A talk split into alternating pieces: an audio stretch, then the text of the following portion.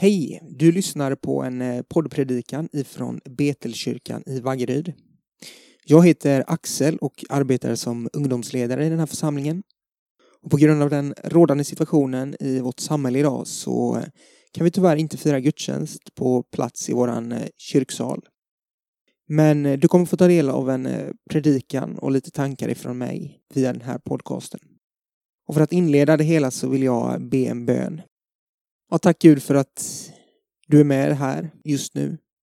Du ser att situationen är eh, oviss i dagens samhälle, men Gud, jag ber att ditt ord ska få eh, lysa igenom det här mörkret, Gud.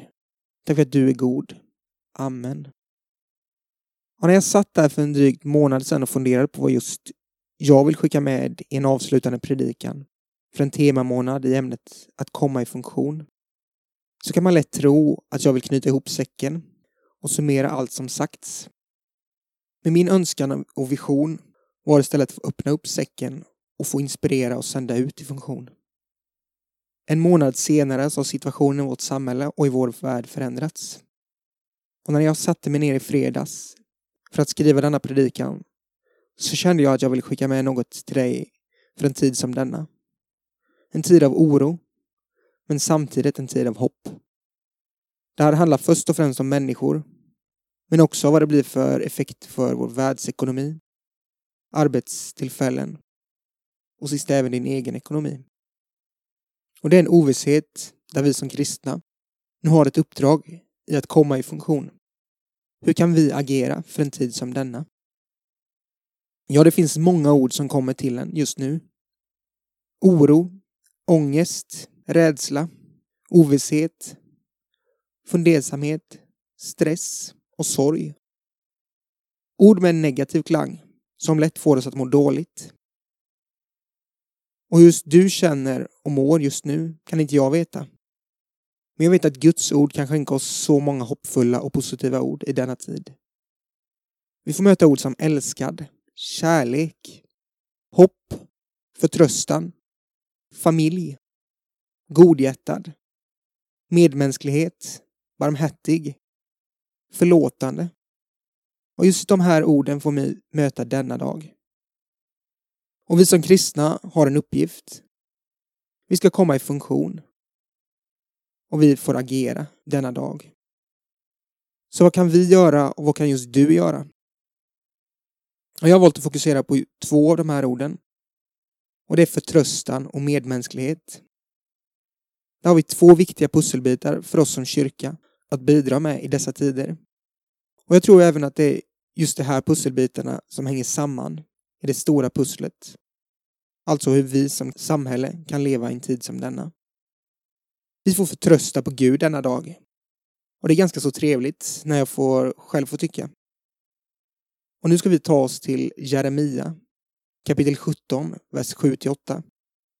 Där det skriver just om förtröstan. Vi läser Men välsignad är den som litar till Herren ha Herren till sin trygghet. Han är som ett träd planterat vid vatten, som sträcker sina rötter till bäcken. Det fruktar inte om hetta kommer. Det slöver alltid gröna. Det oroas inte under, under torra år och det slutar aldrig att bära frukt. Ja, med detta ord så vill jag förmedla hopp. Det är den här förtröstan som vi nu har att stå på. Vi kan känna en enorm oro för det som vi lever i just nu. En rädsla för vad som kommer hända. Men det vi framförallt får känna är en förtröstan på något som är så mycket större och något som håller även för en tid som denna. Så nu får vi som kyrka dela den tryggheten som finns i tron till varandra och ut i samhället. Den förtröstan vi har i vår kyrka och i vår tro är inget önsketänkande, verklighetsflykt. Nej, den har kristna levt på i över 2000 år. Och den har klarat stora kriser tidigare. Vi läser i Bibeln om en Gud som inte överger oss. Han finns vid vår sida. Och han håller oss i sin hand. Och det finns en sång som har ekat i mitt huvud under de senaste veckorna. Och det är låten Hopp. Som är skriven av Jon Petersson i gruppen Folk. Och nu vill jag läsa den här texten. Och där står det skrivet. Tomma händer och ett brustet hjärta. Ingenting är allt jag har. Men du kan göra allting nytt. Ge mitt hjärta ro till slut. Ja, du kan göra allting nytt. Igen och igen. Igen och igen. Du är hopp för en hopplös värld. Tro för en trolös själ. Du är allt mitt hjärta begär. Du är ljus i vår mörka tid. Lust som väcker mig till liv. Du är allt jag inte är. Tystnaden ekar och tomheten tränger. Ensamheten kan vara förlamande. Du är hopp för en hopplös värld. Tro för en trolös själ. Du är allt mitt hjärta begär. Du är ljus i vår mörka tid. Lust som väcker mig till liv. Du är allt jag inte är. Gud får vara min. Han får vara din. Och han får tillsammans vara vår trygghet i denna tid. För som texten säger, han får vara hopp för en hopplös värld och tro för en trolös själ just i denna tid. Och vi talar även om medmänsklighet i denna tid. Och för att belysa detta ord så vill jag nu gå till Matteus evangeliet kapitel 25, vers 34 till 40. Och där står det då ska kungen säga till de som står på hans högra sida Kom ni min fars välsignade och ta emot det rike som stått berett för er sedan världens skapelse. För jag var hungrig och ni gav mig att äta. Jag var törstig och ni gav mig att dricka. Jag var främling och ni tog emot mig. Jag var naken och ni klädde mig. Jag var sjuk och ni besökte mig. Jag var i fängelse och ni kom till mig. Gud kräver inte att vi ska göra storverk. Allt Gud säger är mat till de hungrande, vatten till den som törstar. Hjälp den hemlöse, klä den som fryser. Det går inte att misslyckas. Det går inte att säga jag kan inte. Det enda som krävs är en gnutta medmänsklighet. Det du vill att andra ska göra mot dig, det ska du också göra för dem, säger Jesus i Matteusevangeliets sjunde kapitel. Konstigare än så är det inte. Och det finns väldigt mycket bra saker som vi kan göra. Även om du personligen inte känner att det är en stor handling. Som vi alla vet så kan det bli svårt och inget vidare bra att besöka den som är sjuk i dessa tider. Men hör av er till era närmsta och bekanta. Bara som ett gott exempel så satt Jakob, som är pastor i vår församling, i rummet bredvid mig i fredags och ringde alla i församlingen som är över 70 år. Hör av dig till dina nära och kära.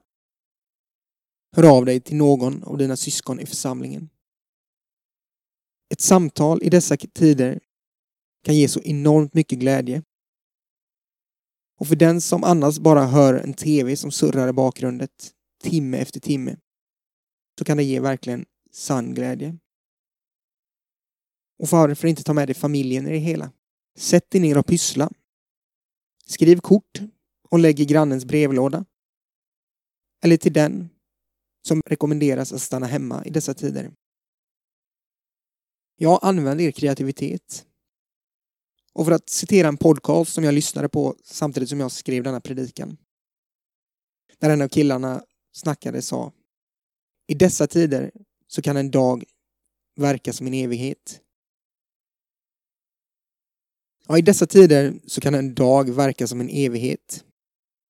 Och då tänker jag främst på de äldre som via Folkhälsomyndigheten fått rekommendationer om att inte gå ut.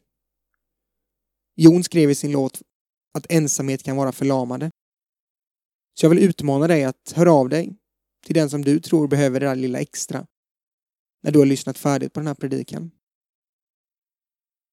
Vi kan visa medmänsklighet på så många olika sätt.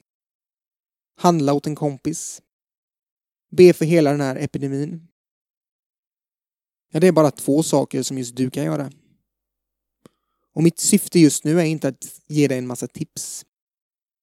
Jag är säker på att du har en massa kloka tankar. Nej, det jag vill ge dig är att Gud inte kräver att du ska göra en massa storverk. Gör det lilla du kan, gör det villigt och glatt.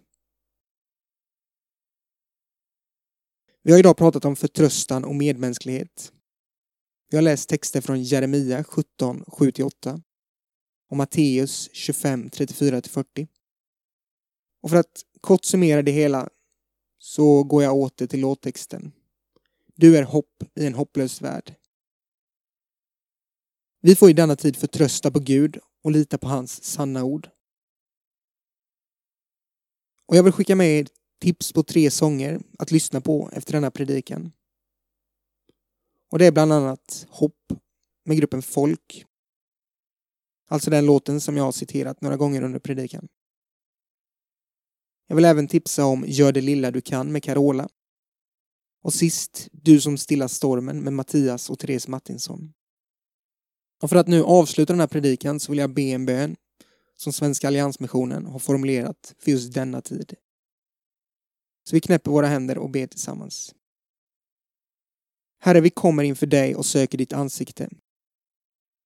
Vi tackar dig för att du som är kungas kung och herrans herre vänder ditt ansikte till oss och lyssnar just nu. Vi tackar dig för att du tagit all vår synd och plåga på korset. Tack för att vi kan vända oss till dig som dina älskade barn. Nu kommer vi inför dig och uttrycker vår oro över den situation som just nu råder. Herre, förbarma dig över vårt land och vår värld. Tack att du som håller hela världen i din hand har makt och kraft att läka, hela och stoppa den pandemin som nu råder. Vi ber Herre att du på ett särskilt sätt möter, helar och omsluter den som är sjuk. Att du ger styrka och handlingskraft till alla som just nu sliter inom sjukvården. Vi ber om vishet till makthavare som måste fatta kloka beslut. Och vi ber Herre att få förbli friska och att bidra till att smittan avtar i vår värld. Vi ber så i Faderns, Sonens och den helige Andens namn. Amen. Du har nu lyssnat på den här predikan och jag vill bara skicka med Guds välsignelse till dig där du är just nu. Och bara för att sända med lite praktisk information så kommer vi nu tyvärr inte ha några gudstjänster i vår kyrksal framöver under en viss tid. Men vi jobbar för praktiska lösningar om att eventuellt kunna livestreama kommande gudstjänster. Och mer information kommer att komma ut i mejlutskick och på våra sociala kanaler, Facebook bland annat. Och jag önskar dig nu en härlig dag. Tack så mycket.